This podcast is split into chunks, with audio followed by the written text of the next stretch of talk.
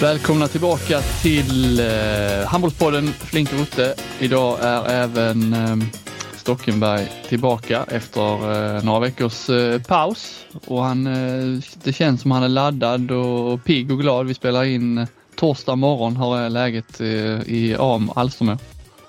Ja, det är alldeles förträffligt här. Nu har jag fått vila upp med en månad här nästan. Ja. Eh, innan jag var med sist här så jag har, jag har mycket smått och gott och ja, jag är fulltankad. Men du har ju hunnit eh, med en, en hel del sen dess. Bland annat har du hunnit med att inte förlora va? Eh, jag tror nog att jag har förlorat men jag gick vidare ändå. Ja, men i... Mot Malmö. Ja.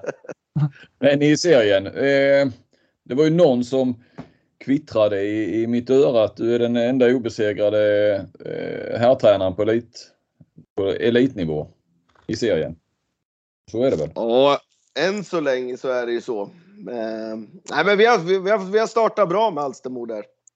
Eh, kanske inte jätteförvånande. Vi var väl kanske en av ja, de två, tre topptippade ihop med då Varberg och Helsingborg. Men de har kastat iväg lite poäng redan nu och vi har gjort vårat jobb. Och senast tog vi en blytung seger nere i Helsingborg och sådär. Och, och nu möter vi Kungälv som också är obesegrade på söndag. Så vi har väl en chans att ta ett ganska stort grepp om den där serien redan tidigt.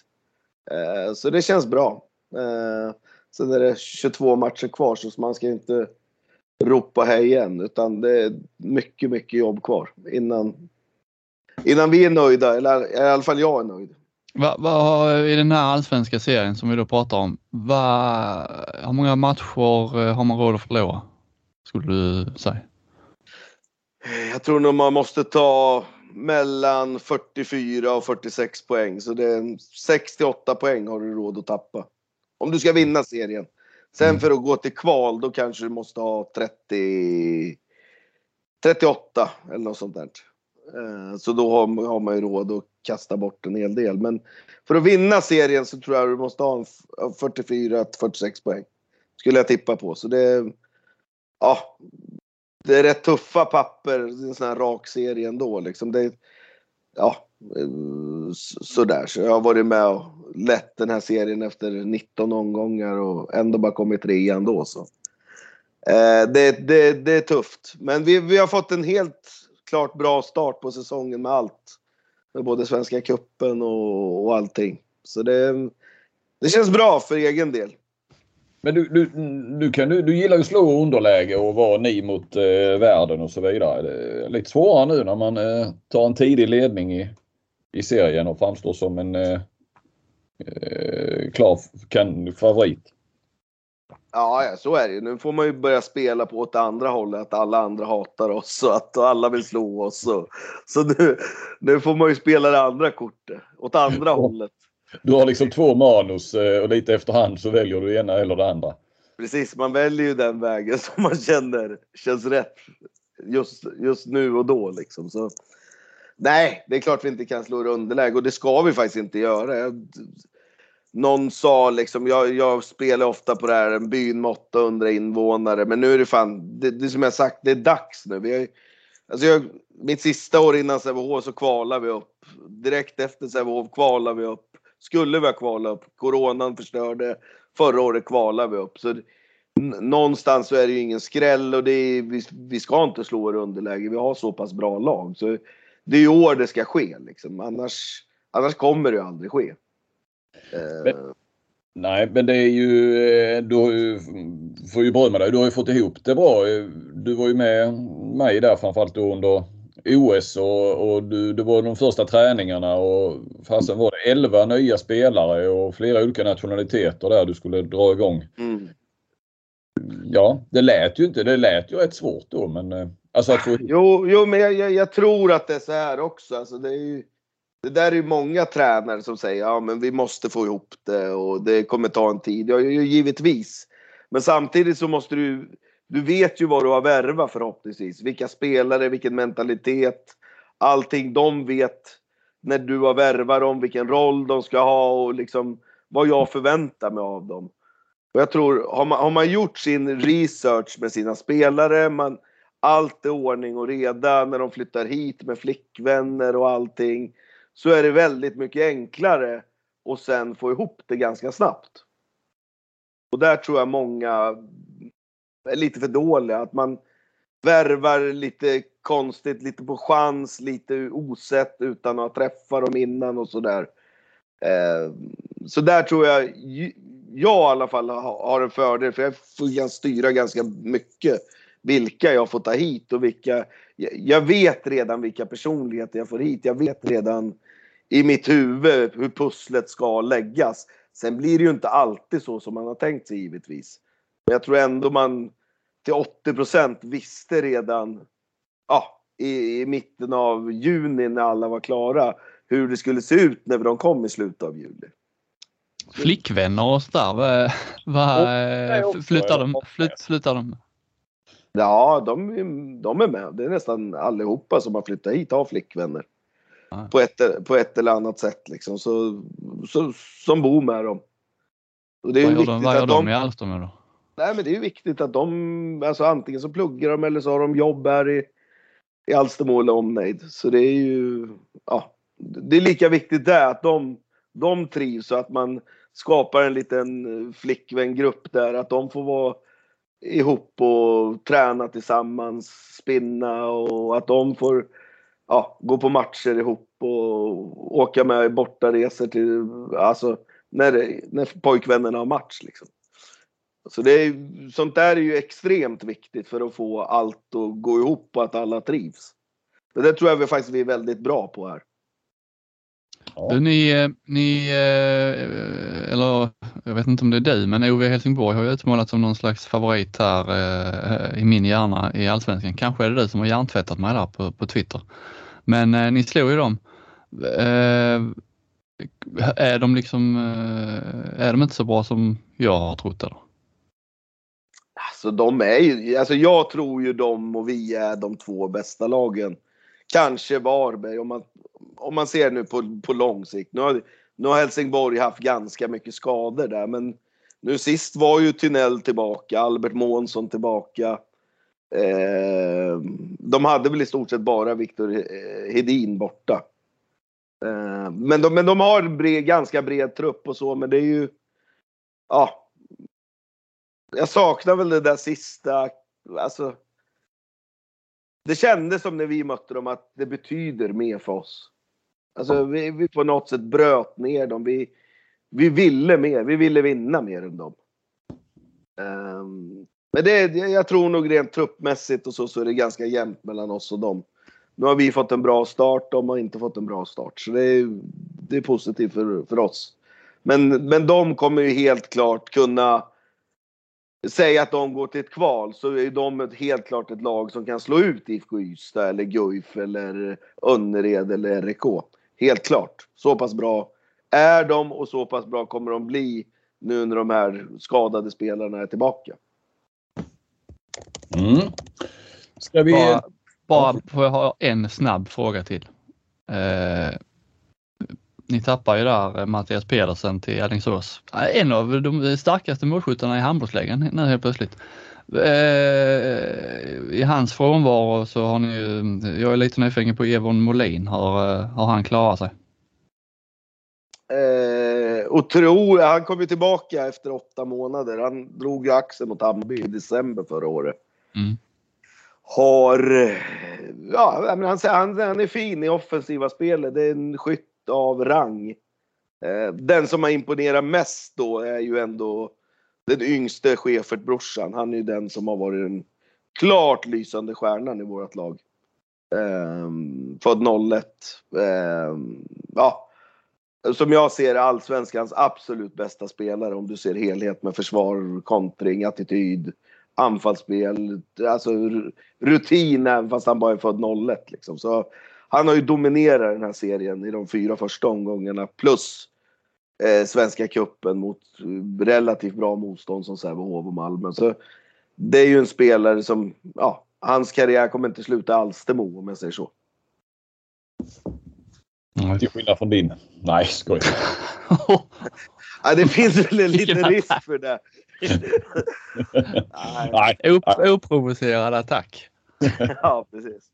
Nej, men det känns bra. Det, vi, vi jobbar på och är ganska medvetna om att vi har mycket jobb att göra. Så det, men det är häftigt att få en bra start. Det är mycket enklare som både tränare och gruppen tror på vad vi håller på med. Så nu, nu gäller det ju bara att fullfölja det här vi har krattat för oss. Eh, men, men ska de vinna mot oss i den här serien så måste de göra den perfekta matchen. Så pass bra är vi faktiskt. Utan att ja, klappa oss själva på axeln eller mig själv. Liksom. Vi, vi är bra i år. Vi hade, tagit, vi hade tagit ganska många poäng i handbollsligan i år. Eh, det, det är jag rätt säker på. Ja, Ja, men det är härligt med en eh, god start. Eh, det, bortsett, alltså, glöm det jag sa innan. Jag unnar dig det Stocken. Nej, jag har inte hämtat mig från det. Alltså. det är lugnt. Stom nu Robin. Ska vi, ska vi titta upp mot den eh, serie som eh, ni slåss om eh, att, att ta er dit då eh, till nästa säsong såklart.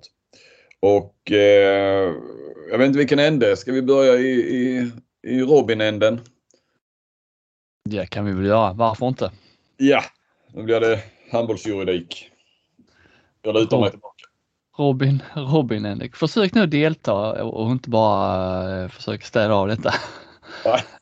uh, nej, men det det handlar om i min ände, det är ju såklart eh, uh, Kristianstad-Skövde och det som hände där och det som hände efter uh, med inlämnade protester och eh, omspel då för en eh, vecka sedan var det väl nu som den, det beslutet kom från eh, protestutskottet. Det är inte lätt att hänga med ibland bland alla utskott och nämnder och kommittéer, men protestutskottet eh, har vi att göra med. Kristianstad spelar ju om, om själva sakfrågan råder det väl inga tvivel. Eh, Kristianstad spelade med en man för mycket i nio sekunder när det var en och tio kvar och knäckfrågan var ju då att om eh, Ralf Lundberg och kollegorna i utskottet bedömde det som eh, matchavgörande. Och eh, är ni, vad tycker ni? Var det, en, eh, var, det, var det rätt med omspel utifrån eh, förutsättningarna som gällde? Eh, alltså jag, jag kan väl känna att jag, ja, jag, jag, tycker väl att det absolut inte är något fel att döma omspel. Eh, det, det jag bara ställer mig frågande till det är ju att det finns ja, säkert 10-15 sådana här protester som de har avslagit de sista fem åren. Där jag tycker det är ännu mer solklara fall att det är matchavgörande saker som händer. Ehm, jag åkte på en förra året mot Kungälv där vi har kantläge med 10 sekunder kvar, ligger under med ett. Och sekretariatet blåser i pipan helt apropå ingenting. Ehm, de backar tillbaka med ett frikast, vi skjuter och så är matchen slut. Ehm, I regelboken står det vid klar målchans sekretariatet har blåst så är det, eh, då, är det, då är det straffkast. Och den avslogs. Jag, jag kan väl känna att ja, ja, man måste nog vara mer konsekvent i sin bedömning då av sådana här saker. Och kanske, och jag tror att det är fler protester som borde gå igenom, men som inte gör det. Men, men i sakfrågan, ja, jag tycker det väl kändes helt fair med ett omspel. För Skövde kändes verkligen som att de hade chansen och i alla fall kunna ta en poäng. Så, så var känslan i alla fall. Ja, det, det, så var det ju verkligen. Skövde hade ju kunnat, mycket väl kunnat, mm. kunnat göra två mål där. Men det, det är inte så ofta, det som du säger, det är inte så ofta man, eh, man jag, jag har försökt liksom leta i arkiven efter eh, liknande fall och så här, som, som har gått till omspel, men det, det, det finns inte så mycket där. Vi hade ju ett 2014, eh, Guif Alingsås, jag vet inte om ni kommer ihåg det, eh, semifinal eh, där, eh, där man spelade, det blev, gick till förlängning. Och en av förlängningshalvlekarna spelades eh, 5 till 10 sekunder längre än vad, eh, vad det borde ha spelats. Det blev någon miss med tiden där och, och eh, Guif gjorde, gjorde mål där när tiden egentligen skulle varit slut. Det blev omspel, det får man väl säga eh, matchavgörande. Kroppskultur 2014 fick omspel mot Vinslöv. Eh, tre sekunder kvar när domaren insisterade på att tiden skulle rinna ut istället för att man skulle få Vet, det var ett frikast, han startade spelet eh, och lät tiden rinna ut och så blev det ett eh, sista frikast istället för att man kunde spela de tre sekunderna som man ville.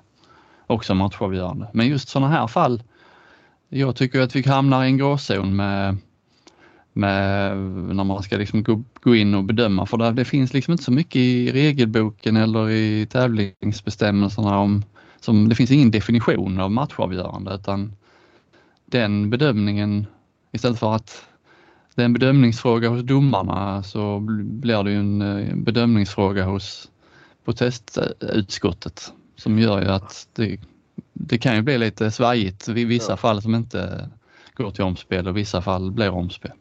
Men, men, men det som känns mest konstigt för mig det är ju egentligen inte att det blir omspel utan det är ju Alltså när man har, jag har ju följt det här ganska, alltså när man har hört domarna och hur eh, sekretariatet och delegata uppfattar det hela. Som jag förstod det så varnar, alltså de fattar inte förrän matchen är slut att det är det Skövde har eh, gnällt på. Nej precis. Det är, det, det, det är för mig helt otroligt. Det är, det är ju, så är det ju inte. Alltså, det, det, är klart de har fattat att Skövde är arga för att Kristianstad spelar med en man mer. Det, är, det, det måste ju vara en påhittad historia e- e- i efterhand av domare och delegat. Så, känner jag. Ja, det verkar ju helt otroligt att ja, man ju, inte... Nej, men, ja, för det är, ändå, det är ändå en minut, en och en halv minut det här, den här processen pågår med när de pratar med varandra, domare, delegater, Cambro eller om det är Kliko som varnar Signell. Ja, Forsson smyger ut.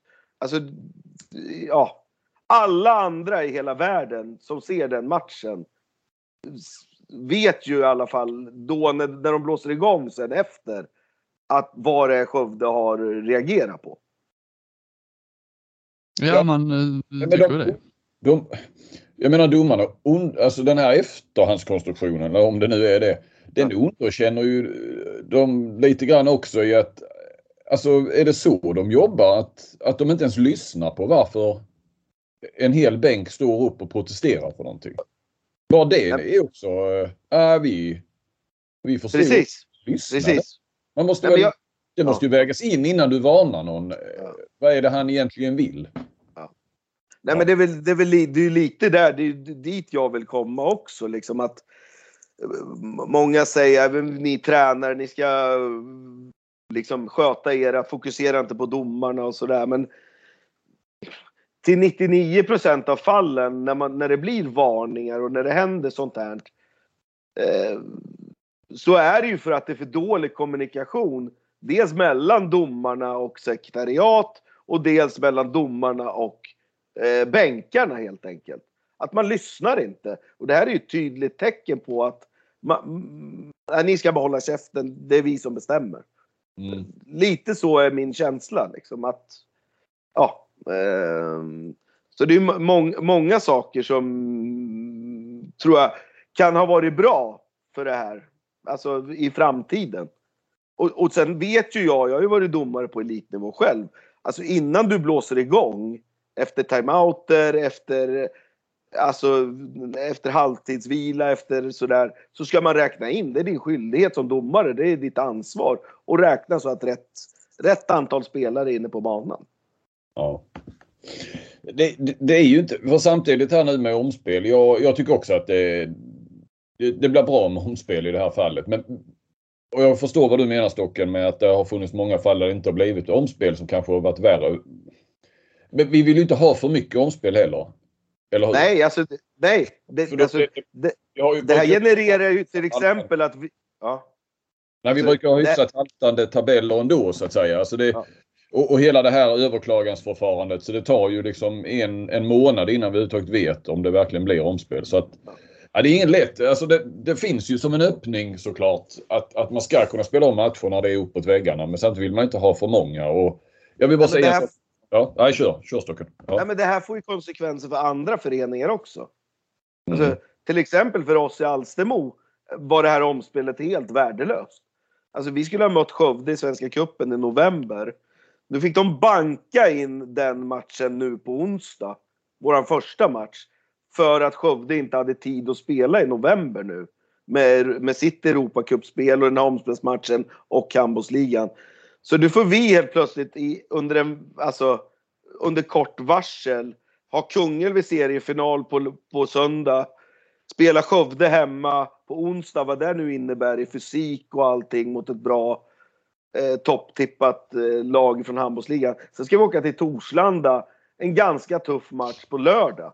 Så det ändrar ju om hela vårat schema som förmodligen kommer göra att jag måste välja bort en av de matcherna. Och jag kommer inte välja bort seriematcherna. Så då blir det helt plötsligt som att man slår undan benen för oss. Att vi kan inte gå för Svenska cupen. För vi har inte den truppen att kunna spela tre alltså, tuffa matcher på en vecka. Liksom. Nej, nej, det är ju absolut ett, ett perspektiv på det. Sen det jag också bara vill för det, det, det har ju förts mycket av diskussioner har ju förts på Twitter och jag får lov att säga att det är rätt Ja, det är rätt tröttsamt. Eh, alla från eh, IFK Kristianstad där eller kring, ja, från Kristianstad ska jag säga, kring IFK eh, eller supportrar och så här. Alltså det här nagelfarandet av avgörande och ja, jag vet, jag fattar ju att det kanske är knäckfråga men jag, jag blir rätt trött på det. Man försöker liksom dra det så långt så det blir lite absurt i vissa argument och sådär och ska hitta i andra matcher där det, ja. ja jag, jag blir bara lite trött på det. Ja, eh, det är ju lite så att eh, det, det, är liksom eh, det är inte klubbat i sista instans detta. Det lutar väl åt, eh, som jag har tolkat eh, eh, klubbchefen är han ju numera i Kristianstad, eh, Jesper Larsson, så lär de väl överklaga det här till Riksidrottsnämnden. Eh, som ju, ja rimligtvis gör de ju samma bedömning som protestutskottet. Eh, någonting annat hade varit konstigt. Men jag, jag, tyck, jag, jag tror ändå inte att det är helt självklart. Just med tanke på paragraferna som det hänvisas till och sådär. Alltså om man tittar i, i eh, vad Ralf har sagt och vad det står i, i eh, tävlingsbestämmelserna där. Ralf är ju inne på det här med, jag, jag frågar ju, när, hur kan ni avgöra att det är matchavgörande? Ja, det, det, det är ju ingen som kan göra det för man vet ju inte. Eh, men han sa ju det att så fort det smyger sig in ett kanske, då, då liksom får de börja eh, tänka till. Eh, men det är inte sagt att eh, Riksidrottsnämnden resonerar så. Det står ju inte det står i, i, i bestämmelserna beslut om omspel kan fattas där ett regelfel avgör matchen till fördel för ett lag. Eh, det står inte beslut om omspel där ett regelfel kanske avgör matchen till ett lag. Alltså det är sådana eh, just sådana här överklaganden de, eh, och eh, Riksidrottsnämnden är ju inte, tillhör ju liksom inte handboll, handbollen och, och de tittar ännu mer på liksom paragraferna, vad som står och inte står. Och där har det ju hänt många gånger att eh, RIN, då, Riksidrottsnämnden, har gått in och ändrat. Dels mm. när de har stängt av tränare. Jag åkte själv på det. Jag varit avstängd en månad för att jag skrivit på Twitter. Eh, att, men det gick Riksidrottsnämnden in och bara tog bort både böter och avstängning från mig. Alltså, sådär. Så, så det kan ju hända faktiskt. Mm. Nej, och även om vi det verkar ändå, jag är ju inne på att om man tolkar bestämmelserna som, som protestutskottet gör, då är det ju inget, eh, alltså det är klart att Skövde hade kunnat göra två mål, så på så sätt är det ju det är ju liksom en korrekt eh, bedömning och, och, eh, och, spela om den här matchen. Men det är liksom inte säkert att eh, Riksidrottsnämnden gör den bedömningen. På, på många sätt skulle, skulle både regelboken och tävlingsbestämmelserna skulle liksom behöva en slags uppdatering eller en förtydligande. Framförallt det här med vad som är bedömningsfråga kontra regelfråga. Eh, det, jag kan inte förklara, kan någon av er förklara vad skillnaden är liksom på, ett, på ett enkelt sätt? Jag har jävla svårt med det. Jag kan. Nej, jag, jag kan inte göra det i alla fall. Nej, men protest kan, enligt regelboken då, protest kan endast lämnas mot domslut som inte är, över, eh, inte är i överensstämmelse med reglerna. Och det är ju, ja, jag kan fatta det ibland när, eh, som i den protesten, eh, Vinslöv Kropps domaren tvingar Kropps att bara stå still och vänta in de tre sista sekunderna. Det är ju liksom ett, där gör domaren ett, tar domaren ett aktivt beslut som, är, som inte stämmer med reglerna. Här finns det inga domslut direkt utan det är ett domslut som missas kan man säga. Så att det, är, det är mycket här som jag tycker eh, skulle behöva förtydligas eh, och som eh, ett överklagande eventuellt skulle liksom att man skulle kunna få en annan bedömning utifrån det.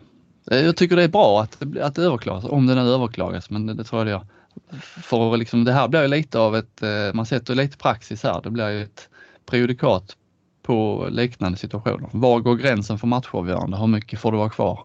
En minut, 30 sekunder, vad händer om det är 20 minuter kvar? En utvisning kan ju alltid vara, visa sig vara avgörande. Liksom. Jag kan ju förstå eh, så. Jag, det, jag förstår så varför det överklagas på det viset. Samtidigt så kan jag eh, Ja, den aspekten att det kan, det kan behövas för framtiden och så. Eh, och regler och tävlingsbestämmelser. Men IFK Kristianstad samtidigt, jag menar alla, det är ju jävligt uppenbart att de har gjort fel. De har ju ja, det får man säga. Det är ju liksom inget snack om och det är inte så heller att det handlar om att de ska eh, tilldömas förlust. Utan matchen ska ju faktiskt bara spelas om. Jag kan ju, en, en, en del i mig kan ju bara känna att, ja men vad fan det är ju uppenbart. Ni gjorde ju fel. Domarna missade detta. Varför överklaga? Spela om matchen. Ni har ju ni har gjort eh, fel. Ja, den, eh, så det resonemanget är inget jag har stött på alls i den här staden. Nej, det kan jag tänka mig. Men hade du åkt upp till Skövde hade du kanske stött på det? Ja, då hade jag nog stött på det. Ja, men förstår du någon sorts mer så här lite, vad ska man säga, moraliskt sådär att... Ja, men jag kan nog tänka mig att eh, de tycker, eller jag vet ju eftersom jag vet hur de resonerar, att själva, själva felet de gör avgör ju ingen match. Utan det är ju domarnas miss som avgör Att de står och bollar på mittplan i nio sekunder med en man mer eh, är ju liksom inte, det händer ju ingenting så. Det är inte det som är avgörande utan det är själva eh, missen av, av, alltså bedömningsmissen eller regelfelsmissen. Det är ju det som, det är det som är avgörande. Eh, men du, det, liksom, det finns ju, det är klart att eh, man resonerar på två helt olika sätt beroende på vilket lag man representerar. Men de skulle ju haft en man, eh, de skulle vara någon utvisning då ju, två minuter. Ja, ja, utvisning och bollen skulle blivit Skövdes direkt. Ja, det är väl... Eh, ja. Där har du väl en matchavgörande. Att bara prata om att de bollade i, i nio sekunder vid mittplan med en man mer. Ja, men de skulle ju haft en... Ja, ja. Resten matchen skulle de haft en utvisad. Ja, ja. Det, absolut. Ja, ja. ja, du är ju från Kristianstad. Så. Det går ju knappt att argumentera med. Det är ju som med dem på Twitter. Nej, Nej men jag, jag, jag säger det, jag, jag, liksom, jag tycker att det, det, jag har inga problem att det blir omspel utifrån, uh, utifrån uh, hur protestutskottet uh, bedömer. Liksom. Och är det någon som borde kunna liksom, paragraferna ut och in så är det ju Ralf. Eh, men jag säger bara att jag skulle inte bli helt chockad om det här beslutet ändras eh, efter överklagandet. Då, du, du säger att Kristianstad då, de skulle inte tilldömas förlust. De hade ju, det kan man ju man säga, de hade ju säkrat en poäng. Nu kan de ju helt plötsligt förlora om de spelar om matchen. Ja, ja, det är klart de kan. Men, men eh, den spelas ju om från noll i så fall. Men Jack är inte tillbaka i Skövde och sådär. Vad sa du? Med Jack Turin tillbaka. Ja, så... Ja. Nej, men om, om man, liksom, det som jag tror att många här i Kristianstad skulle liksom behöva eh, ha med i sina, liksom, eh, alltså om man tittar från, från Skövdes perspektiv, det är det de inte gör så mycket. Alltså Skövde har tagit igen, de, är, de ligger under med sju mål. De har gjort en eh, jäkla avslutning, tagit ner det till två och drabbas av något sånt här och liksom berövas chansen att ta poäng efter en sån slutsport Eh, med en man mer, en minut kvar i anfall. Det är liksom eh, fullt, fullt möjligt att göra två mål på den tiden, särskilt när Kristianstad var, var ur gängorna. Så, det, alltså... det man vet i alla fall, det är att de hade fått två anfall. Alltså det, det mm. vet man ju att de, ja. Och där tror jag, därför tror jag de valde att ta ett omspel här för att d, d, d, ja, man, man vet att Skövde i alla fall hade haft två anfall. Alltså för att kunna kvittera då, till slut. Signell tycker jag sa det bra. Alltså, om man tittar på det från Skövdes perspektiv så hade det varit oerhört svårt att motivera. eh, Det hade varit oerhört svårt för protestutskottet att motivera varför det inte skulle bli omspel. Mm. Mm. Ur deras liksom, perspektiv så är det klart att det är supermatchavgörande. Kristianstad håller inte med om det men eh, det är klart att när man har tagit igen så mycket och man verkligen är på gång och så får man inte det där domslutet som skulle ha blivit. Ja, då, då förstår jag att man tycker det är matchavgörande. Det var väl eh, ungefär det. Eh, men det ska som sagt bli jäkligt intressant att se eh, om det nu blir en överklagan. Vad Riksidrottsnämnden eh, eh, har de, alltså se också, även om det liksom omspelet står fast så skulle man liksom verkligen vilja, den vill man nästan spara den, eh, det beslutet till framtiden. Sen för det lär ju dyka upp fler sådana här eh, händelser, tror jag. Bara en vecka senare, ny match i Kristianstad Arena. Eh, vi ska inte, det känns som öppet mål och, och såga delegaterna men eh, man tycker ju att efter en match som den mot Skövde så de som kommer till, till Kristianstads nästa match borde ju verkligen liksom, ja nu ska vi se till att göra det här rätt och då slutar det med att man räknar, ja lite samma som en, du hade en protest i Alstermo som gick igenom eh, mot eh, Anderstorp där, där man räknar fel mål. Eh, och nu hade det ju segern mot Hallby, det hade ju ingen som helst betydelse men man kan ju ändå tycka att det borde bli rätt slutresultat. Så det, det, de, har inte haft några, de har inte haft ett bra veckor, delegatyrket i Sverige. Det var det. Ska vi putta in lite mer energi i det här avsnittet? Nej. Jag är bara taskig idag. Eh, ja, Jävla Ser också fram emot alltså. eh, överklagandet Flink? vad, vad sa du Robin? Ser inte du också fram emot eh, av överklagandet eh, eller Reins dom? Jo, ur hela det perspektivet med, med att man på något vis, att det blir prejudikat. Det, det kan jag se fram emot. Men jag är så trött på tröskandet och vi har ju det här med, med blåa kort och eh, barud och så vidare och, och där det inte fattas några beslut. Och de verkar ju, ja. Men det, det, det är ju en annan diskussion på ett vis, även om det är inne på samma spår. Så det, det, alltså i dagens digitala värld med, och vi har lärt oss senaste ett och ett halvt år med Teams och Zoom och sådär. Då, då måste ju den här, de måste ju kunna sammanträda snabbare. Det är det disciplinnämnden det ligger på gissar jag. Ja, men det är samma sak den här matchen som du har skrivit om ganska mycket. Den här Skåne-Larimbo. Men ingen vet någonting även fast de säger att de... Alltså, ja, när ska de bli avstängda? Ska de bli avstängda i så fall i december eller? När en Ja. match spelades i början av oktober. Alltså det är ju... Ja. Det är lite tillfälligheter som kan avgöra en serie också liksom. Ja men nu blir Simon Lindberg som är Skånes bästa spelare, blir han avstängd för att han knuffar? Blir han avstängd mot ett topplag, ja, då försvinner ju Skånes chanser. Alltså, Ja, ja, det är för segt allting. I hockeyn, då bestämmer de, tittar de på det samma kväll eh, och så bestraffar de dagen efter. Liksom. ja alltså. Okej, nu var ju det något jäkla eh, rallarslagsmål med många inblandade i, i slutändan. Men så med, med dagens, eh, allt finns på bild. Eh, ja. Ja. nu var det väl lite tur att just detta fanns. Men, men jag menar handbollsligan generellt om det inte blir såna här saker så. Det, allt finns, finns ju. Det var ju värre förr kanske. Man liksom fick kalla vittnen och sånt när det inte fanns på video. Nej.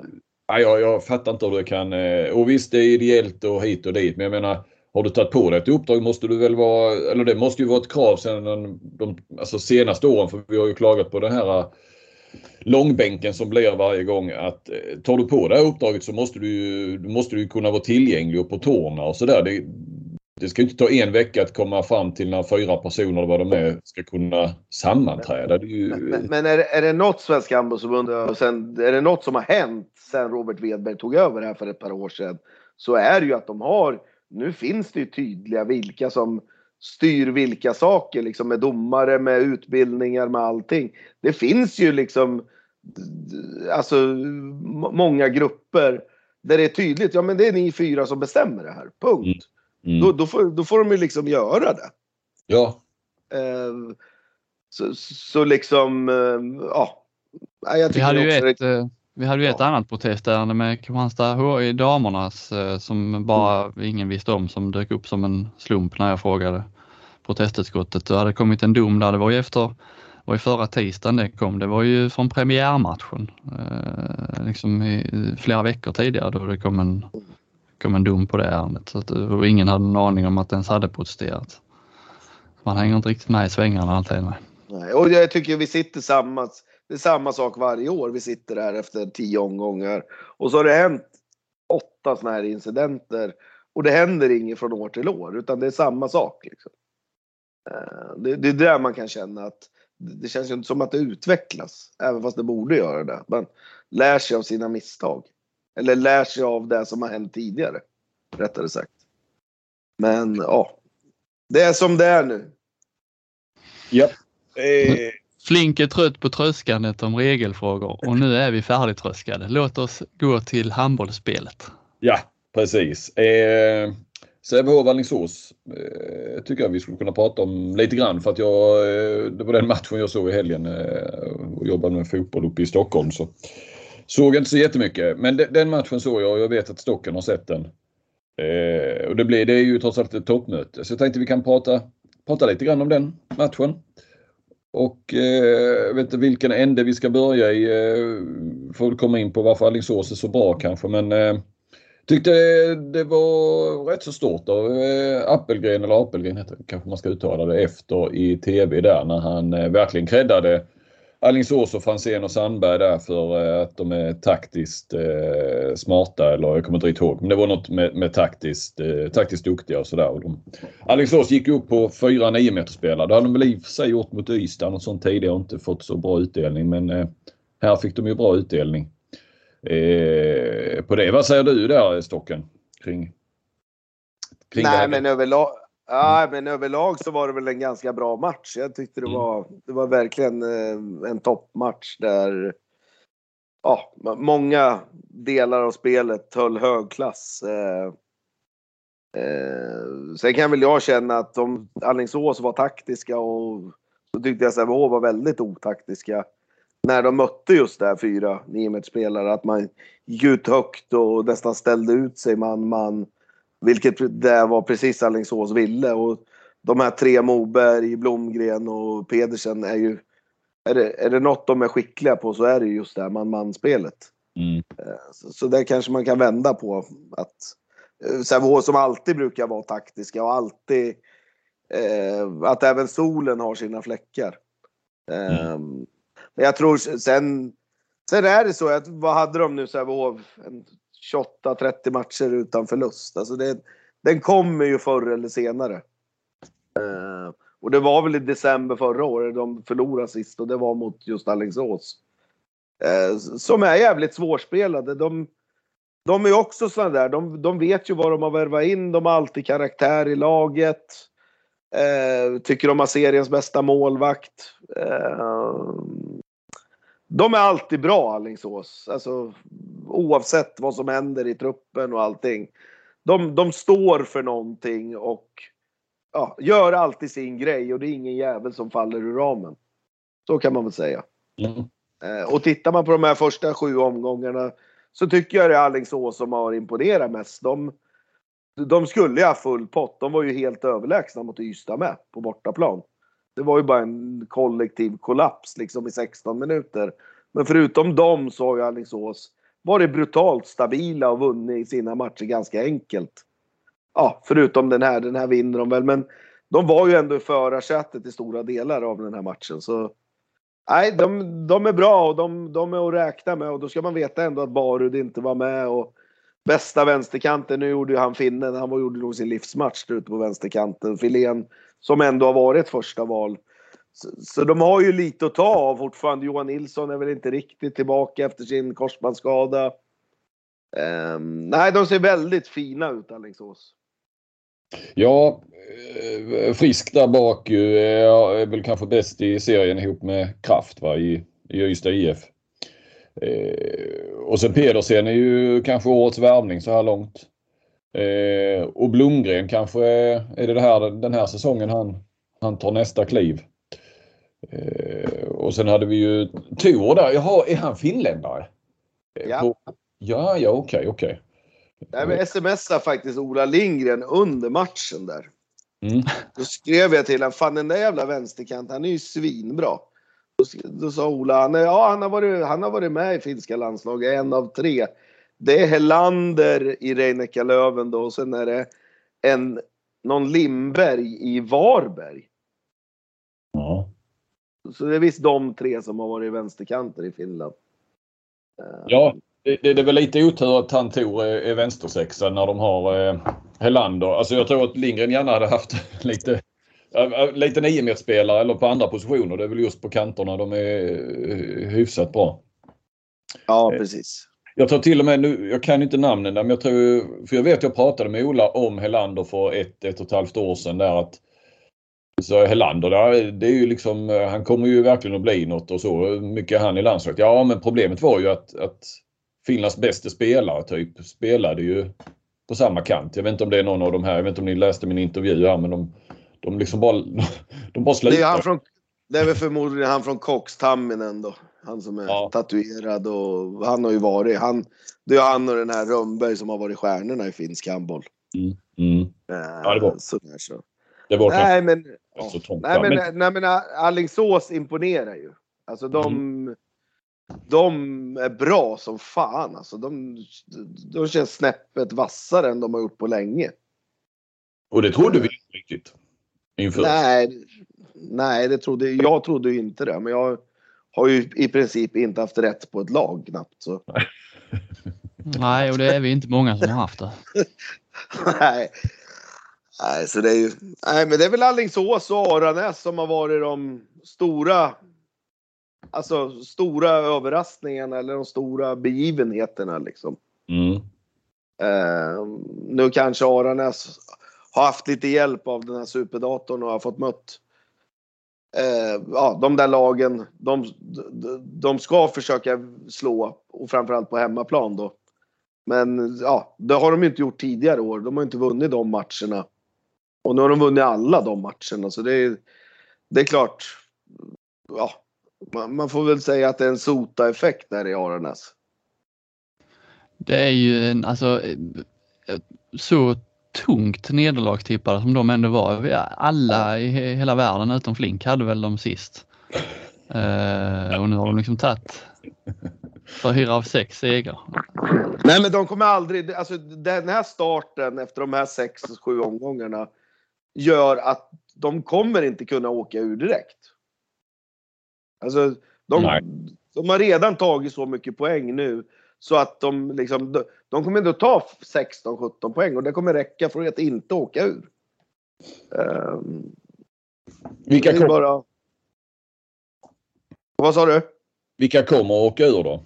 Skulle du säga? Vilka slutar sist? Alltså det, det, det, det tre lag som, som ändå känns... Alltså Önnered är ju kanske den största. Nu har de inte med sina nyförvärv, de har inte varit med någonting knappt. Men de ser ju riktigt svaga ut. Alltså den 9 meters uppställningen de har, den... Alltså de slår inte många, alltså de slår inte topp 6 i allsvenskan ibland med den 9 meters uppställningen de har. Eh, RIK är ju tunnare än isen liksom. Mm. Eh, nu ryktas det om att han Wigmark är korsbandsskadad och det kan nog kanske vara för, förfallet för RIK.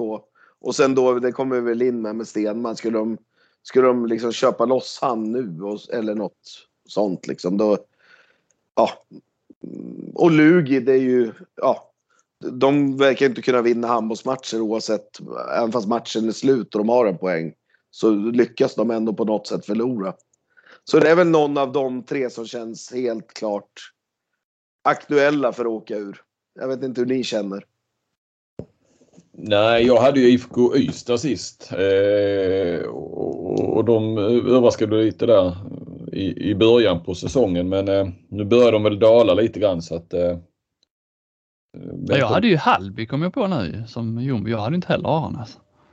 Men jag tror inte att Hallby heller kommer att komma sist. Tycker ändå, även om de förlorade stort i Kristianstad så tycker jag ändå de eh, borde kunna liksom vara bättre än att bli sist. Som, så dåliga tycker jag inte att de var ändå. Nej, Hallby har ju Hallby har egentligen börjat ganska bra. De har ju mött alla de här topplagen nu också.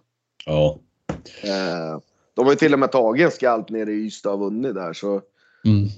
jag, jag tror Hallby har, nu jag kollar på spelschemat, jag tror de har en 6-7 matcher här i rad mot de här Önnered, eller Önnered, IF, alltså som de, alltså Hallby kan vara topp 6 om sex omgångar Mm. eller något sånt där.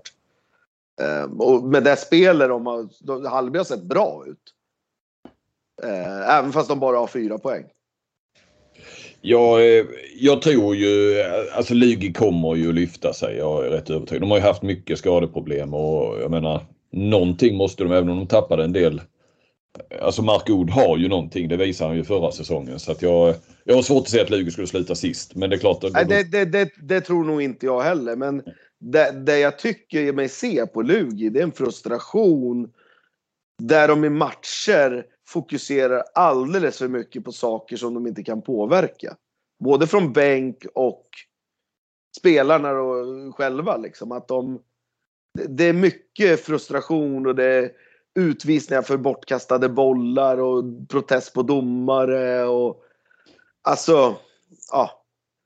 Och, och det svåraste som finns det är ju när man, man nästan tro, trodde, jag trodde också det, att de skulle kanske närma sig toppen ännu mer i år. Och så helt plötsligt får man slåss för överlevnad. Mm. Den processen där är jävligt svår. Alltså RIK någonstans tror jag ändå var medvetna om att det, det är krig varenda match. Vi kommer aldrig få någonting gratis. Medan jag tror Lugi hade trott det om sig själva att Nej, men vi kommer ju vinna våra matcher. Bara hans uttalande, där hade vi inte haft skador så hade vi haft 10-12 poäng. Det, det tycker jag är skitsnack för det hade de inte haft ändå liksom. ja, jag, fick, så jag, pass bra är de inte. Jag fick ju fråga honom. Så, vad sa du nu? Hur många poäng skulle ni Ja. haft? Att Jag verkligen dubbelkollade det för det var ju danska. Det är ju inte så jävla lätt. Ja men Men- fan det var ju efter sex omgångar, vadå 10-12 poäng? De är ju, alltså, ja. Eh, sådär, så de, jag tror att de har lite fel självbild just nu om vart de ligger och vart de står liksom.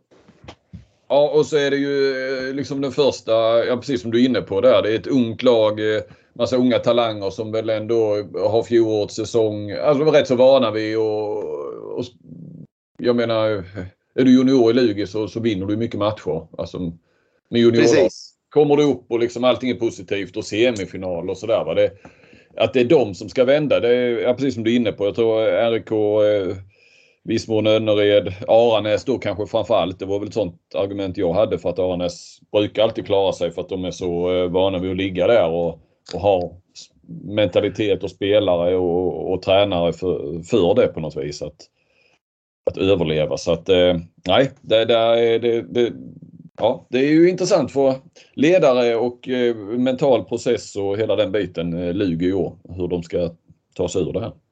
Nej men de har ju varit lite hyllade att de hade, de, de, de själva liksom just det här med mentala träningen förra året och att verkligen lyfte fram sin mentala coach och så. Det är nu man får se, det är likadant med Marko. Ja, han har vissa kvaliteter givetvis men det, det, är nu, det är nu man visar om man är en bra ledare när det går emot. Mm, mm. Ehm, är ju min känsla. När det flyter och allting. Vem som helst hade ju kunnat träna Alstermo just nu. Liksom. Mm. Alla skrattar på träningar. Ja men det är, så är det ju. Alltså Mm. det är ju, det är ju i motgång. Det är då det är då man visar om man är en bra ledare. Om man är en bra tränare. En bra liksom. Ja, som kan vända på skutan. Liksom. Det är motvind draken eh, lyfter. Är det inte det Pedersen har intatuerat på kroppen? Så är det nog. Eh, Två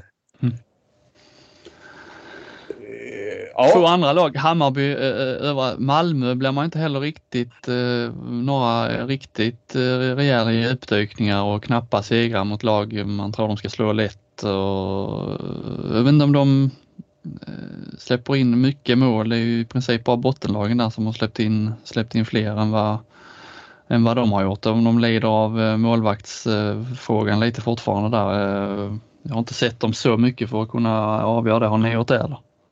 Ja, jag har ju sett Malmö väldigt mycket eftersom vi mötte dem själva där på försäsongen lite grann och sådär. Men Ja, det, känns ändå som att, ja, det känns ändå som att de börjar komma igång lite faktiskt.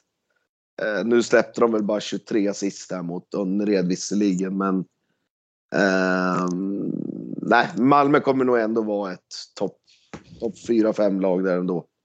Eh, Kristianstad tycker jag ser faktiskt, jag börjar se ett embryo till något riktigt bra faktiskt. Jag brukar alltid vara så kritisk mot dem. Och har inte riktigt trott på deras trupp och sådär. Men de, nej, de börjar se ganska fina ut nu. Helt plötsligt när publiken kom tillbaka, då vart de ett världslag igen.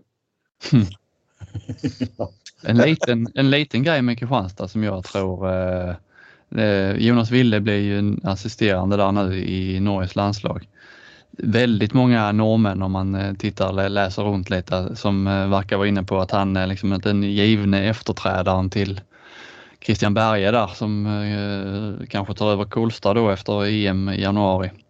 Jag är lite inne på att eh, Wille nog kommer att bara träna Kristianstad den här säsongen. Ja, ja. Av den anledningen. Ja, av den för i kontraktet med IFK så får han inte vara förbundskapten, alltså ha huvudansvaret i ett landslag. Eh, eh, Av den anledningen, jag tror inte han väljer Kristianstad före Norge. Om det skulle bli ett, liksom ett val så är det inte säkert att Norge heller vill ha en förbundskapten som är klubblagstränare. Eh, Hans verkar vara liksom en av de starkare kandidaterna där att ta över landslaget och då vet det katten om han eh, kommer att träna Kristianstad efter den här säsongen. Nej, nej, men Norge vill ju inte ha en. Det är väl det som, som gör att Berge får gå ju. Att de vill ju inte ha, de vill ha en heltidsanställd eh, Mm. förbundskapten. Så att, nej, den, den kommer, kommer inte Norge tillåta. Och ja, nej, det är klart att Ville måste hoppa på det om han får chansen. Alltså att bli förbundskapten för sitt hemland. Det, Ja, det är klart, Nej, det är klart att han kommer göra det om man får den chansen. Annars är man ju... Ja, det, det, tror jag. Och särskilt han har ju varit med i både U21-landslag och sådär. Han har ju varit, han har ju figurerat kring norska landslagen. När, när Bergen, när det var corona, så var ju han i Skövde och liksom... Alltså han har ju varit inne i det där förbundet och sådär. Så det är nog inte alls omöjligt att han tar över. Han känns ju som liksom en, eh, på många sätt en rätt självklar efterträdare där. Och eh, nej, då, då blir, jag, jag tror det kommer att bli tränarjakt igen alltså. Det var, Men eh, eh, du var ju inne på det Stocken väl redan under OS där vi pratade om Berge att eh, det är nu dags att byta eh, förbundskapten i Norge. Alltså att de behöver något nytt med, med ny energi och ny kraft och lite Nej, men det känns som att de har stått och stampat. De hade där nog från 2017, 2019 eller vad det var. Alltså, då var de ju... Då kunde de ju spela om medaljer kändes det som. Nu, nu känns det som att de inte riktigt är i, i närheten av det. Eh, kört fast. Så lite, tycker jag också. ja, Det, det är bara Sagosen det handlar om. Och, ja, nej, de... eh, Och lite frågetecken väl.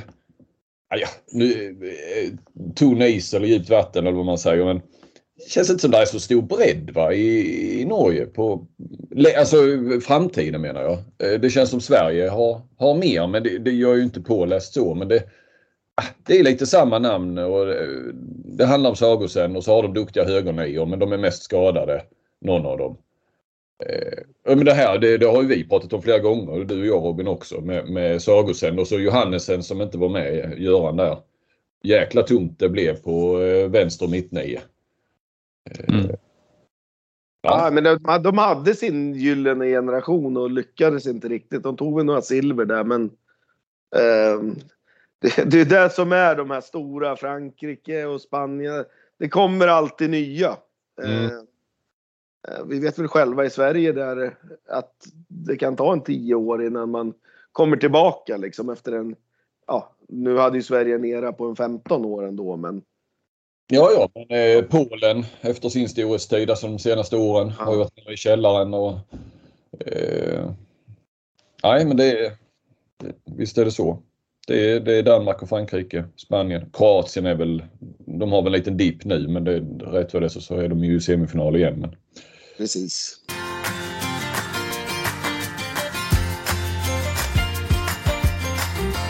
Ja, på tal om landslag så har ju Glenn Solberg tagit ut sin första trupp efter OS och sin enda trupp innan eh, han ska spika sin, eh, sitt EM-lag. Och eh, jag lyssnade ju på den och var sen med på, på eh, Teams-möte efteråt, liksom pressträff. Men det var ju, jag fick köra själv i 10 minuter, sen kom TT in i eh, 5 minuter och eh, sen försvann de igen och sa att nu lämnar jag tillbaka till handbollsnördarna för de tyckte det blev för, för, för nördigt. Så, så, eh, så jag hade väl nästan Solberg själv där i 20 minuter vad det blev. Men, eh, och innan truppen där så gick jag och tänkte så här lite att ah, liksom fan, blir det de vanliga namnen en gång till? Eh, han har inte varit förbundskapten länge Solberg men, men han har ju ändå hunnit med en del med, med ett VM, ett OS-kval och ett OS. Eh, och så började jag skriva ner namnen. Då kom jag fram till att det i princip bara eh, det har figurerat kanske 21 namn eller någonting på de här tre stora grejerna så att säga. Eh, och sen har du ju lite mindre kvalmatcher i EM och sånt här emellan också. Eh, lite sådär, är det, hur, hur, stor kan en stomme i en trupp vara? Kan det vara hela truppen? Eh, för det känns som det har varit, ja, han, har, han har kört på med sitt gäng då. Och, eh, och sen så inledde ju Daniel Wander med att ja det här är ju lite rätt stora ändringar i, i eh, truppen. Det ser inte ut som det brukar göra och då tänkte jag nu jäklar. Men eh, ja, någonstans blev det något mittemellan. Eh, det blev ju faktiskt ett helt nytt namn, eh, Erik Johansson och det var ju såklart grejen då, Guif, eh, 21 år, nu i Elverum då. Eh, för tittar man sen, ja visst nu var ju målvakterna skadade, Palicka och Aggefors, så då kommer eh, Peter Johannesson och, och Thulin in, men de har ju figurerat hela tiden. Eh, Mellegård blir eh, en tredje vänstersexa. Eh, berättade Solberg att de vill, eh, han kör lite grann har han kört eh, 5-1, alltså spets i 5-1 i Wetzlar så att eh, de ska försöka jobba in lite av ett alternativ till, till 6-0. Eh, så, så, det var inte bara därför Mellegård har gjort det bra i OS-kvalet och han eh, ja, vill väl ha in honom där då. Testa honom. Eh, Mittsex är ju lite intressant för att då kommer jag som till Lindskog som ändå var med på OS. Va? Eh, han, eh, de, han har tagit ut tre mittsexor, totalt 17 man och då kommer alltså inte Lindskog med utan det är där Fredrik Pettersson och Oskar Bergendahl. Och ska vi uppehålla oss lite där så Lindskogs övergång till Flensburg har ju inte riktigt blivit som han har tänkt. Eh, de har mycket skador, Flensburg, men inte på mittsex. Han har väl två man framför sig där va? Både Golla och Simon Hald. Ja, jag har inte sett Flensburg över, inte en match eh, den här säsongen. Eh, men eh, det, framförallt är det väl kanske att han inte har imponerat så mycket i landslaget när han har fått chansen där. Nej. Eh, hade han gjort det tror jag det inte hade spelat lika stor roll kanske har det stått i klubblaget. Men, eh, jag vet inte men det finns väl kanske en plan. Det är väl inte så att man eh, med de namnen att han, man hade trott att han skulle få liksom någon nyckelroll där år, år ett eller i Flensburg. Nej, det är mest Zeta på den där bänken. Han, han har inte spelat, fått spela så mycket helt enkelt där i Flensburg. Eh, såg han igår mot Kielce där. Gjorde ingen eh, sådär. Eh, han utmärkte sig inte på varken bu eller bä. Mer än att de släppte en 35 mål. Och han spelade trea där ihop med Hald. Ehm, så det, ja. Nej, han har nog mer att bevisa om han ska få med mer.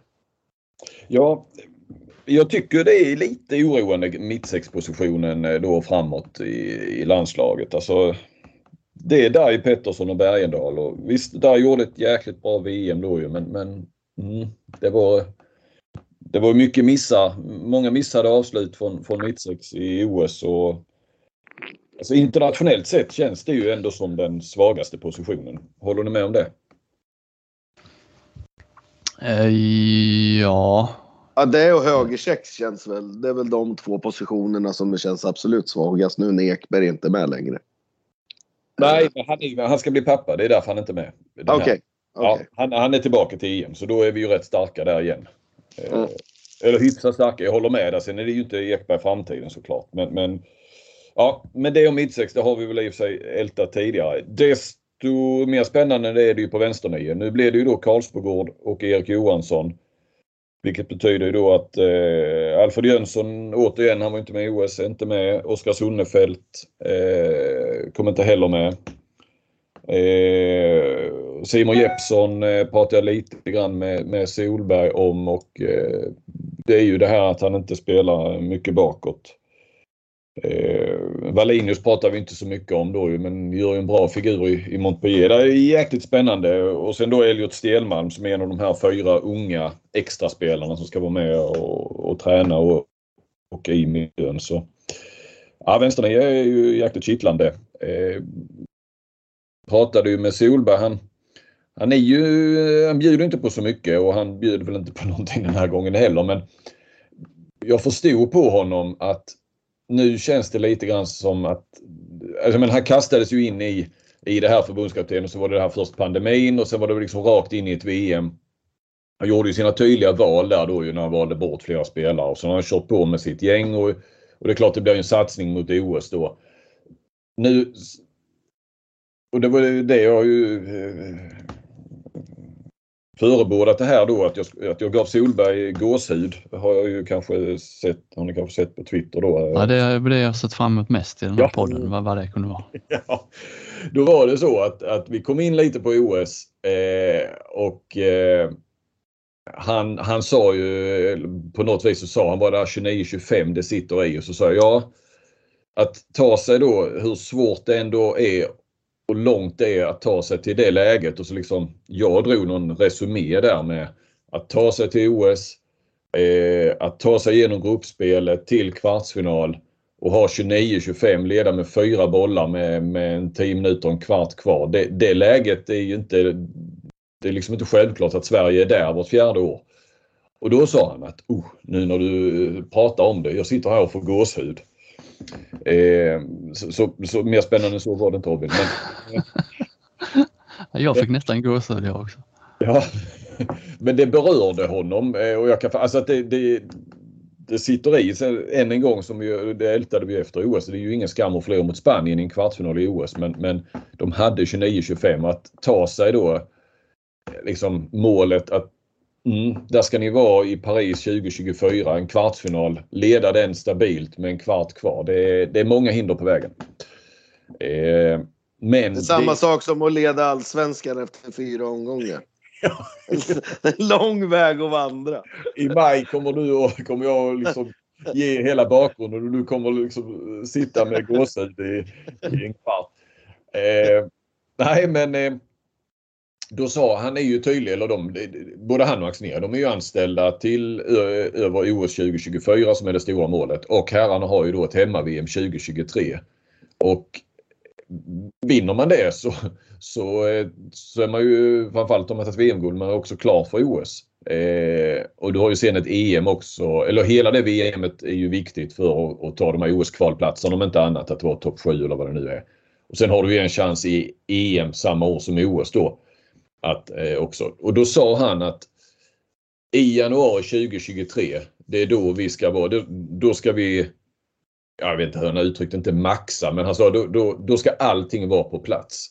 Så att nu känns det som att han redan nu börjar titta framåt. På den direkta frågan så säger han att ja men det är ju lite, man måste hela tiden tänka kortsiktigt och långsiktigt men att det känns som att han börjar ta vissa, kanske vissa val. Kanske Erik Johansson är med med sikte på, på VM 2023.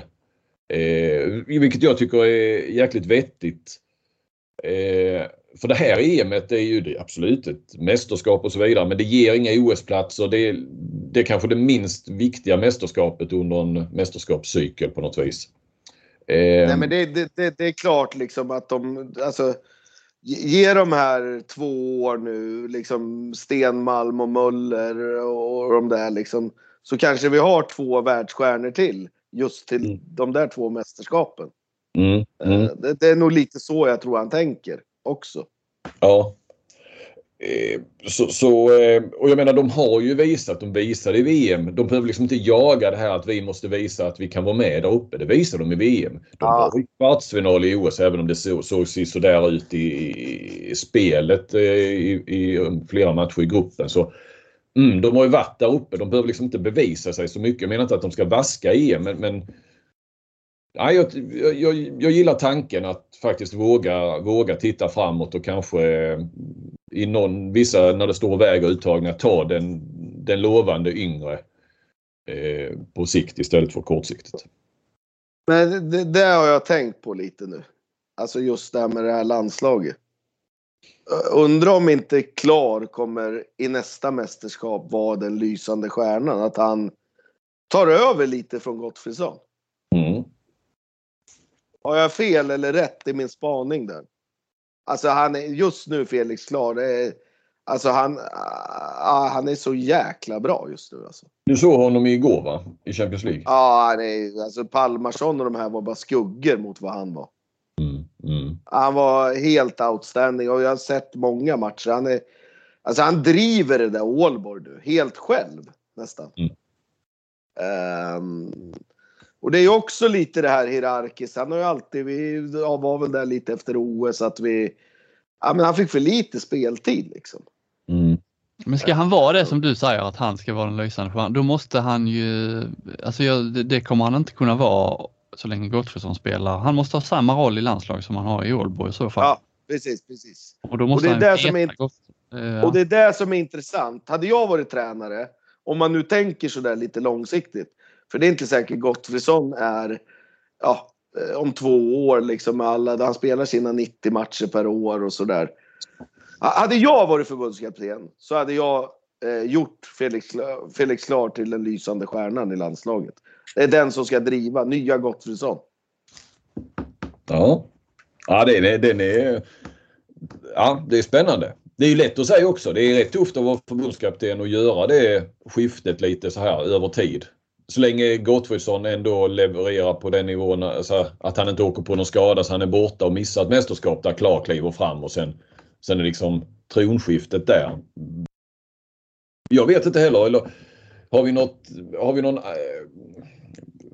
finns det något exempel på där man har liksom haft två på samma position? Alltså ja, men, ja, men Kroatien är väl ett typexempel där med eh, Sindric. Mm. När han fick ta över från eh, Dovnjak lite liksom. Mm.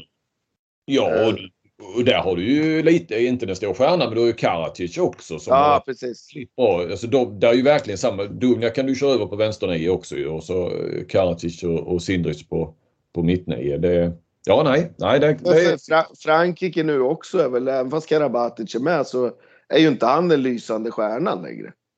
Nej, men han är ju riktigt gammal. Jag menar Gottfridsson ska ju ändå vara i sin prime här kanske. Om han håller sig skadefri och hyfsat fräsch så, så ska han ju vara bra ett par år till ju. Han är ju inte 34-35.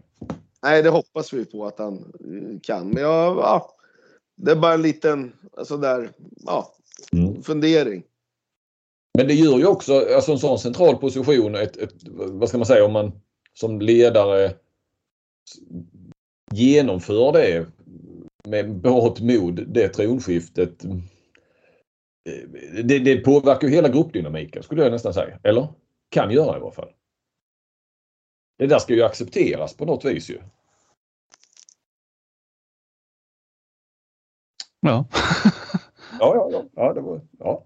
Ja, det var eh, bra Stocken. Det var eh, en kittlande tanke där. Ehm, vi kanske bara ska ändå gå vidare lite grann med, med truppen här så är det ju fast, faktiskt tror jag första gången hela den här högerniet-trion är med va? Lagergren, Sandell och Linus Persson.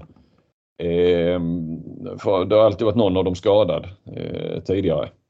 Eh, vilka, jag har ju svårt att se ändå att om de då också lite så här tittar långsiktigt att de väljer till EM att ta med tre högernior för då, då, då eh, ja, och du har två mittnior då ska du bara ha två vänsternior. Eh, och, och hur det ser ut så ska man titta långsiktigt kanske man ändå ska ha med tre där. Vilka två tror ni spelar eh, EM på högernior för Sverige? Ja, Albin och eh, Linus. Mm. Eh, ja, samtidigt Sandell har ju varit fantastisk i vissa matcher. Alltså det, det, det, det där tror jag kommer ge sig av sig självt eftersom alla de där tre är ju väldigt, eller framförallt Persson och Lagergren är ju skadade var och varannan sekund. Så Jag tror att det där kommer reda ut sig. Men är alla fräscha och friska så tror jag att Sandell får stryka med foten också. Ja, ja jag tror också det. Lagergren är så jäkla bra två, tvåvägsmässigt och det, Linus Persson har ju lite någonting annat än vad de andra båda har. Ja, men han är mer, alltså det är lite mer power, lite mer liksom, det är tyngd. Tror jag. Mm, mm. Ehm, sådär. Så, ja, men jag, jag, jag tror nog, om alla är skadefria och eh, fräscha och friska så är jag rätt övertygad om att det blir Persson och Lagergren som spelar. Ehm, och då bara nämna de här fyra extra spelarna för det, det, tycker jag är lite kittlande vilka de då ser som mest. Och det, alla de här fyra var ju tydligen med på det här fyslägret de hade i, i Playitas i, inför OS då när inga andra var knappt tillgängliga heller av proffsen i alla fall. Då är det ju Fabian Norsten och det är Felix Möller och det är Isak Persson och Elliot Stelmalm. Det känns väl rätt klockrent. Det kanske saknas någon men om man ska välja fyra så på lite olika positioner så eh, tycker jag det är rätt så givna namn va? Ja, jag tycker väl de är givna men jag har inte, jag har inte sett storheten i Fabian Norsten än. Alltså på den nivån och att han Alltså han har väl inte, alltså han har ju varit bra i handbollsligan men han har ju ändå inte varit sådär att vi sitter och säger att Frisk och Kraft är de absolut bästa målvakterna i handbollsligan. Den nivån har han ju inte visat än.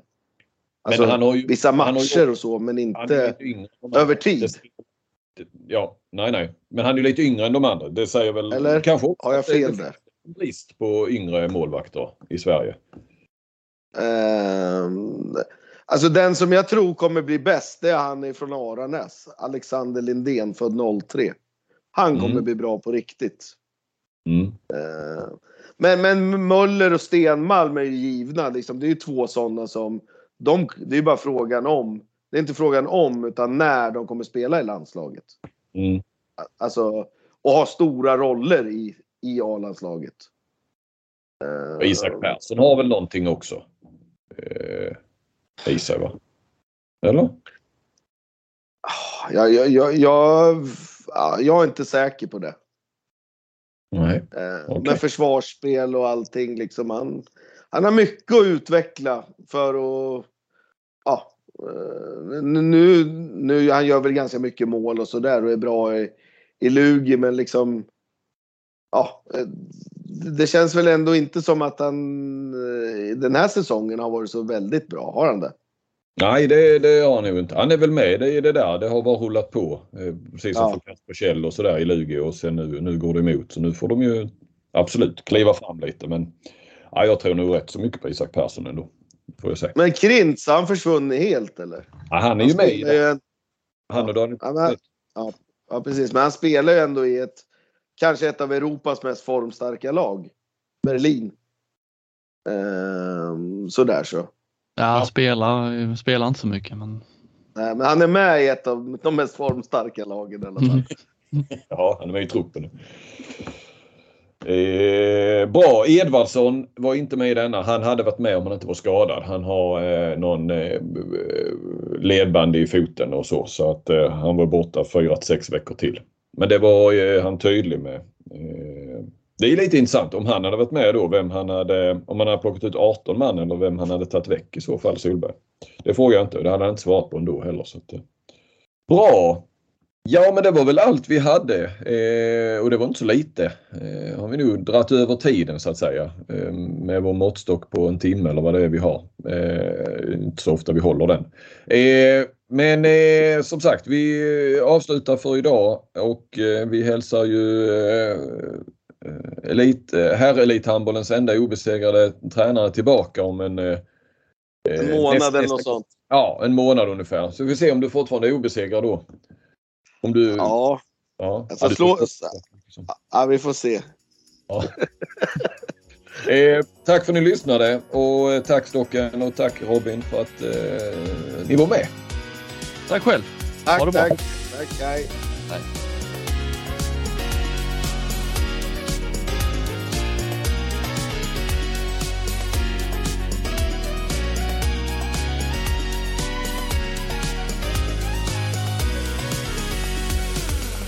Du har lyssnat på en podcast från Aftonbladet. Ansvarig utgivare är Lena K Samuelsson.